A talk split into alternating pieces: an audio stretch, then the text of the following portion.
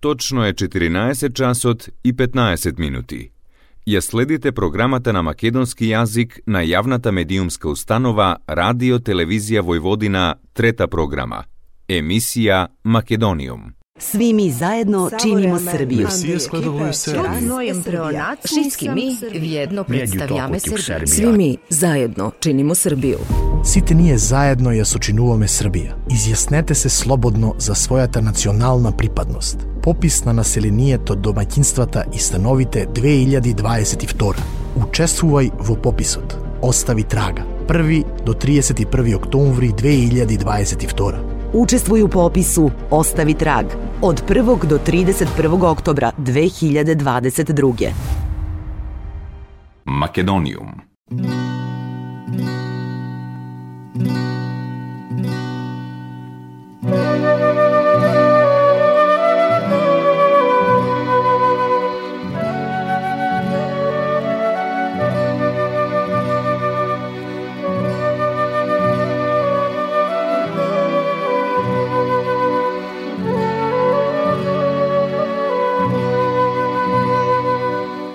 ден и добре дојдовте во најновото издание на емисијата Македониум. Македониум, почитувани слушатели, е секоја среда заедно со вас со почеток во 14 часот и 15 минути на фреквенцијата на третата програма на радиото при Радио Телевизија Војводина. Срдечен поздрав од вашиот уредник и водител Јулијана Милутиновиќ.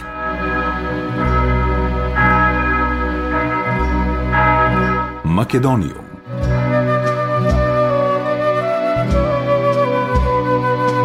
Во денешното издание на емисијата Македониум повторно имаме едно прекрасно гостување. Се работи за гостување на директорката на Македонската филхармонија Тина Иванова, а мене ми представува особена чест и задоволство што Тина денеска е со нас, особено заради тоа што Македонска филхармонија во петок ни гостува во Белград, што е повод всушност и за денешниот разговор. Тина, добре дојдовте во Македониум и ви благодарам што најдовте време денес да гостувате на програмата на македонски јазик во Радио Телевизија Војводина. Веќе неколку години со ред со новата зграда на Филхармонија имаме можност да бидеме сведоци на една од најуспешните културни институции во Македонија, што најмногу придонесе во овој раст кој е во континуитет. Добар ден и голема честа за мене што сум дел од вашата емисија. Поздрав до сите ваши слушатели. А, Па првото прашање е како пушка, успех. А, Ние знаеме и понекогаш нескромно самите да си се пофалиме дека сме успешни, а, особено после некој успешен концерт, како што беше, на пример, последниот или свеченото отворање на, на сезоната на Македонската филхармонија. А, знаеме да бидеме горди на нашата работа, ама јас секогаш а, гледам да да бидам и само критична и да учам од грешките и постојано да растам јас и, и, и целиот оркестар и целата институција. А, за мене, за успех, нели постојат повеќе дефиниции, меѓутоа за мене дефиниција за успех е а, многу работа, се разбира и дисциплина и пожртвуваност и одговорност, но многу работа. И секако најважната, најважниот елемент за успех е љубовта спрема работата. Ние имаме огромна љубов во ова што го работиме. А, зборувам во името на сите, затоа што гледам дека дека сите кои што сме вработени во Македонската филхармонија го правиме тоа на вистина со љубов, затоа што не можете да се занимавате со музика ако не ја сакате музиката или со било која друга уметност. Така што можам да кажам дека филхармонија во последните години со вработување и на нови членови, нови сили во оркестарот кои што доаѓаат со својата младешка енергија, огромниот талент и ентузијазмот, придонесоа во тоа да да порасне квалитетот на оркестарот и концертите секако да звучат многу многу подобро. Изборот на солистите и диригентите кои што ни гостуваат е исто така важен, понекогаш и пресуден и секако изборот на програмата која што ја ставаме на нашиот годишен репертоар која што е баланс на нешто што е атрактивно, на железен репертоар, на класика, на, на дела кои што се напишани во векот кој што го живееме или во изминатиот век, значи современа музика. Цел тој баланс ја прави програмата шаренулика и атрактивна и за самиот за самата институција, за самите музичари, така што тие на работата и приоѓаат многу многу многу лесно, со љубопитност и пак ќе кажам со љубов. Така што за мене успех е е љубов спрема работата. Македонијум После исклучително успешната сезона на Филхармонија, па и во пандемиски услови предходно, пред помалку од една недела започна новата концертна сезона на Филхармонија Дамар на слободата. Која беше инспирацијата за овој наслов за сезонава?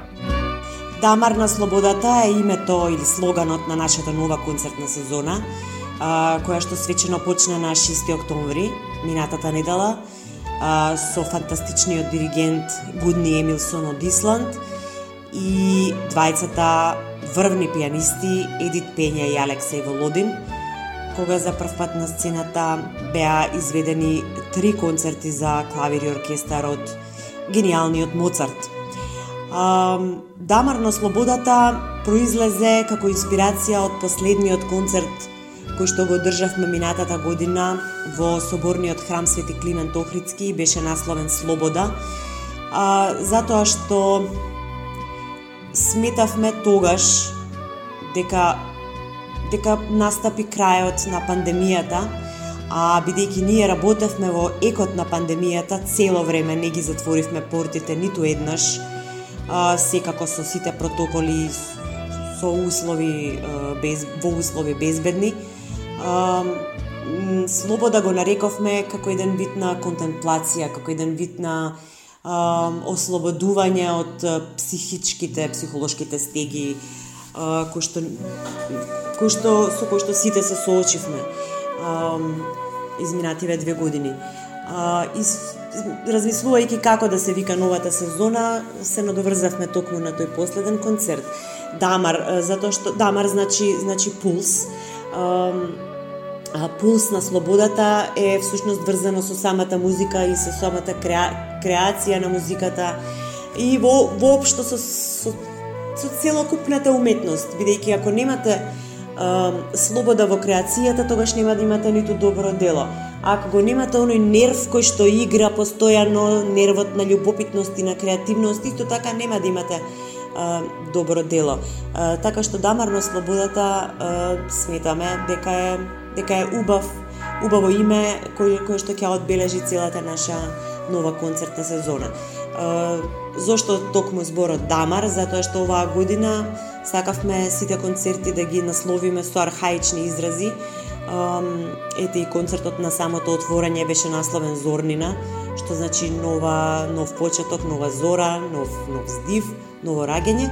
А веќе вториот концерт кој што ќе се случи утре вечер е насловен Далга, кој што значи бран. Така што сите наслови имаат архаични зборови, а целта ни, ни е да малку да ги подсетиме луѓето дека македонскиот јазик е богат и дека има многу зборови кои што не ги користиме во секојдневието. А, така што мислевме дека е тоа интересно, а исто така на еден на еден суптилен начин врзано со музиката. И далга имаме музичка далга, односно музички бранувања и музички бранови. А, и Зорнина има многу дела напишани за раѓањето на, на зор, зората, појавувањето на зората, раѓањето на сонцето, изгреј сонцето, за новите почетоци и така натаму. Програмски сметаме дека насловите се одвествуваат со делата кои што ги ги нудиме оваа година и кои што ќе ги ќе ги изведеме. Македониум На отворањето на сезоната имавте и промоција на новото CD на Филхармонија. За што станува збор? Да, навистина сме горди на нашиот нов носач на звук, затоа што одамна во продукција на Македонската филхармонија немало е, издание е, од ваков тип. И по подолго време конечно го издаваме компакт дискот насловен Филхармонија во срцето. Всушност исто имениот наслов на концертот концертот кој што го одржавме минатата сезона. Тоа беше камерен концерт под диригентската палка на маестра Диана Имерилковска, заедно со камерниот оркестар на Филхармонија и солистите Елена Дојчинова на флейта и Владимир Лазаровски на обоа. Филхармонија во срцето е компакт диск кој што може да се најде во Македонија на неколку локации, меѓутоа за сите љубители на музиката може да се симне и дигитално, има и дигитална верзија која што е бесплатна. Горди сме на ова издание затоа што некако придонесуваме кон збогатување на носачите на звук во сферата на класичната музика, нешто што во последниве години на вистина замрено. А исто така, ова е прва соработка со издавачката куќа Контемпо. А, Всушност, ова е неизино второ издание, куќа која што ќе почне и веќе почна да се занимава со издавање на носачи на звук во сферата на класичната музика. За филхармонија, ова е материјал кој што ќе остане во историјата, со кој што ќе може да се занимаваат идните генерации да видат што некогаш се правело во филхармонија. А од друга страна знаеме дека музиката еден миг таа почнува и завршува. Зборувам за концертните изведби, особено кај нас во нашата институција. Македониум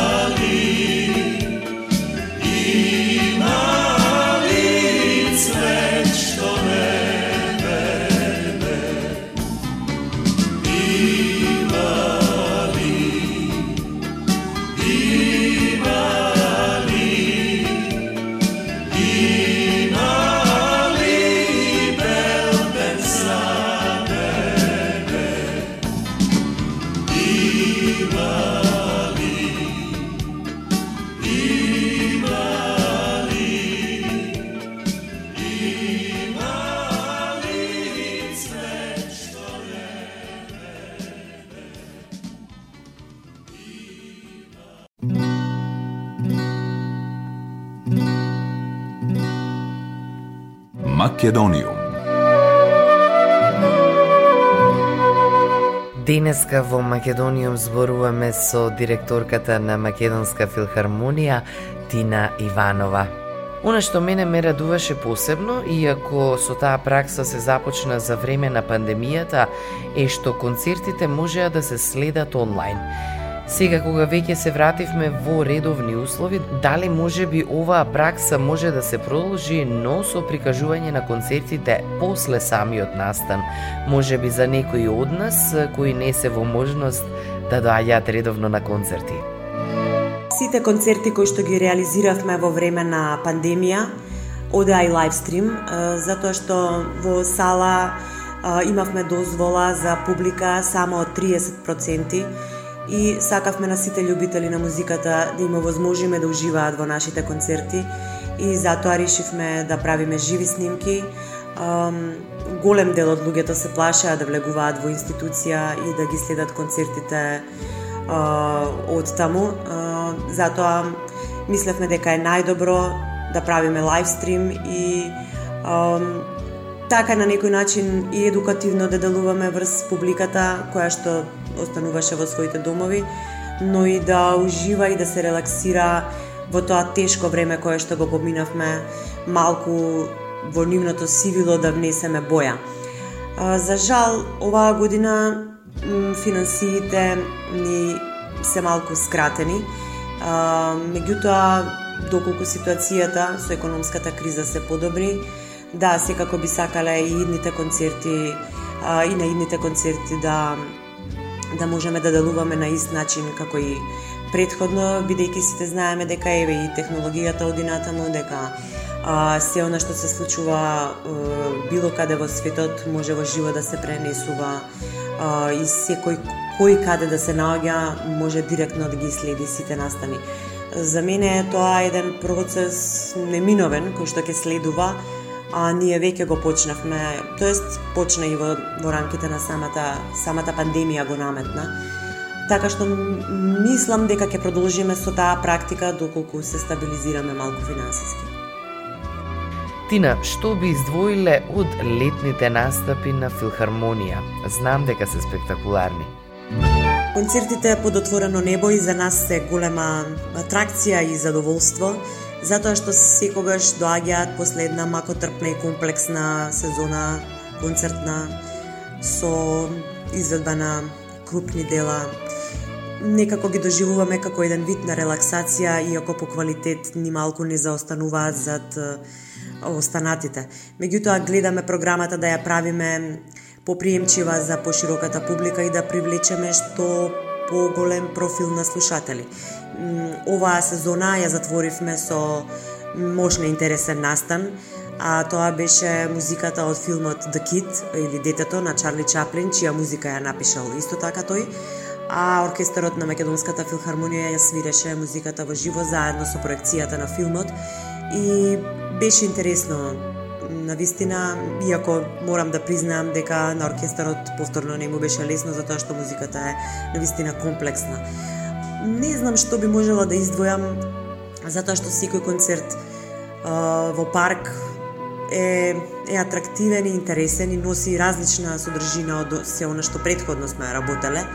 Ама еве ќе го издвојам концертот посветен на големиот артист Дейвид Боуви затоа што а, дојде некако непосредно по неговата смрт. А, беше насловен Скопје за Боуви и на вистина Скопје му оддаде една убава почит на овој голем уметник. А, имаше повеќе од 15.000 посетители, а и самите ние кои што го правевме, и оркестарот на сцената, и хорот, и диригентот, го правевме со огромна љубов и, и имаше незапирлива енергија. Може би тој ќе го издвојам по, по енергијата и поради, поради емотивниот пристап. Ке продолжиме во иста насока, односно да бидеме оригинални и интересни за, за публиката, а и за самите нас.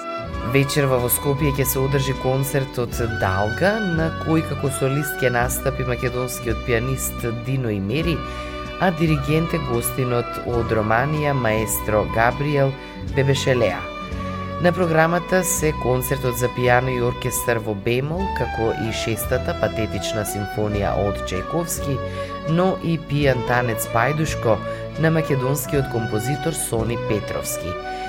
За ова дело малкумина знаа дека е правено по нарачка на Филхармонија. Дали е пијан танец Пајдушко досега изведувано вон Македонија? Со нетрпение го очекуваме вечерашниот концерт, иако е надвор од терминот оној редовен четврток за посветен на концертите на Македонската филхармонија, меѓутоа поради гостувањето во Белград го поместивме еден ден порано.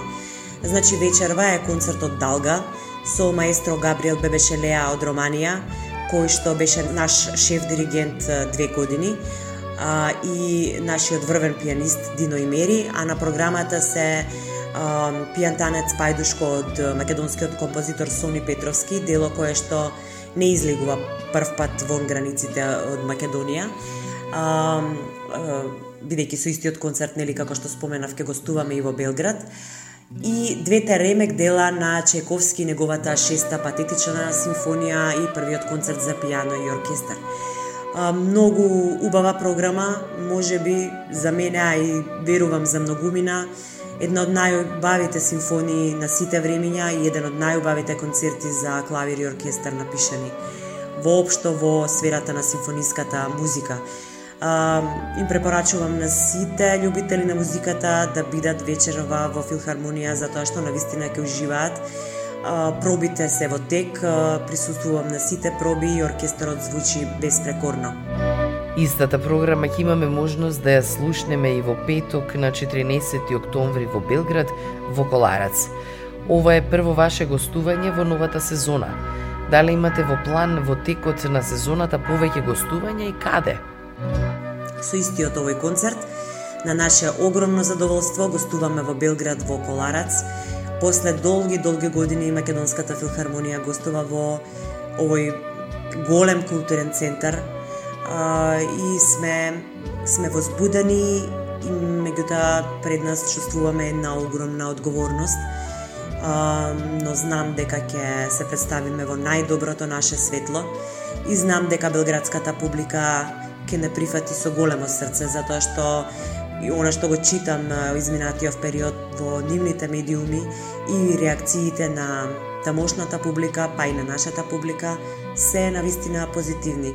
Многу е, коментари пристигнуваат до нашата адреса дека со нетрпение не очекуваат да бидеме нивни гости. Е, ке биде ова еден еден историски миг и една една соработка која што се надевам дека дека ќе продолжи е, затоа што Белградската филхармонија требаше да гостува кај нас, меѓутоа се случи пандемијата со короната и нивното гостување беше откажено, така што ние сега одиме во Белград, а ги очекуваме наредната сезона и Белградска филхармонија во, во Скопје. Македониум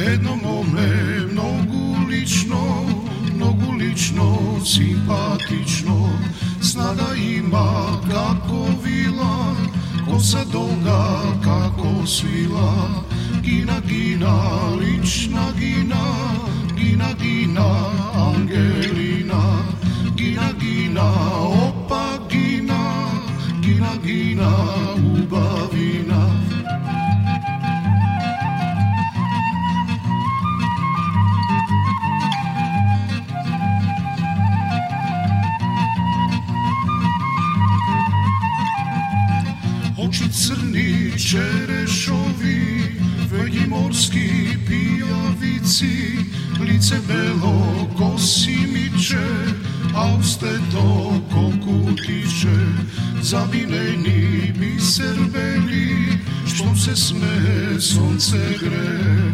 Gina, gina, lična gina, gina, gina, Angelina, gina, gina,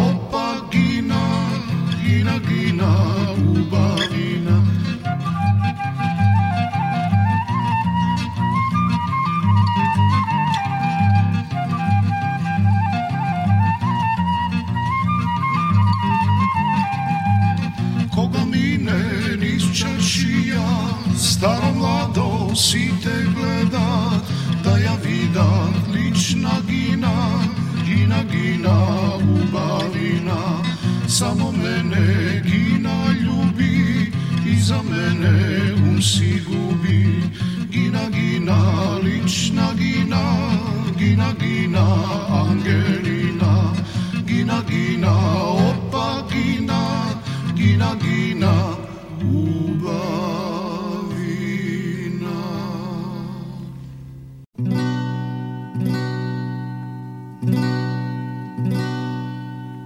Да продолжиме со разговорот со директорката на Македонската филхармонија во Македониум, Сона Сетина Иванова.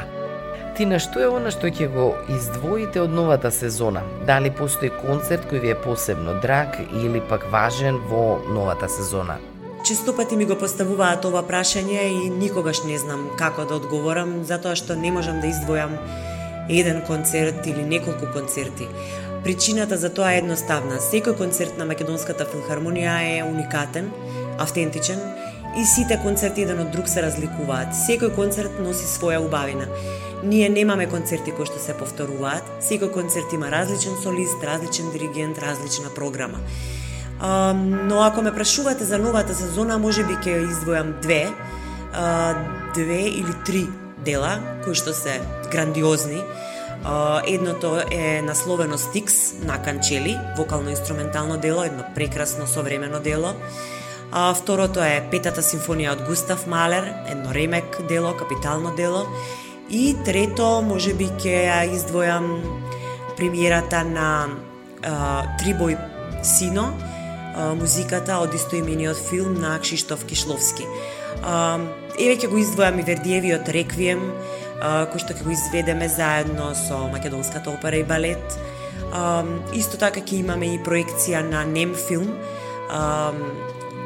кој што прв пат ќе се прикажува кај нас, а музиката ќе оди во живо, инаку автор на музиката е Пјетро Маскани и тоа е негова единствена музика создадена за филм.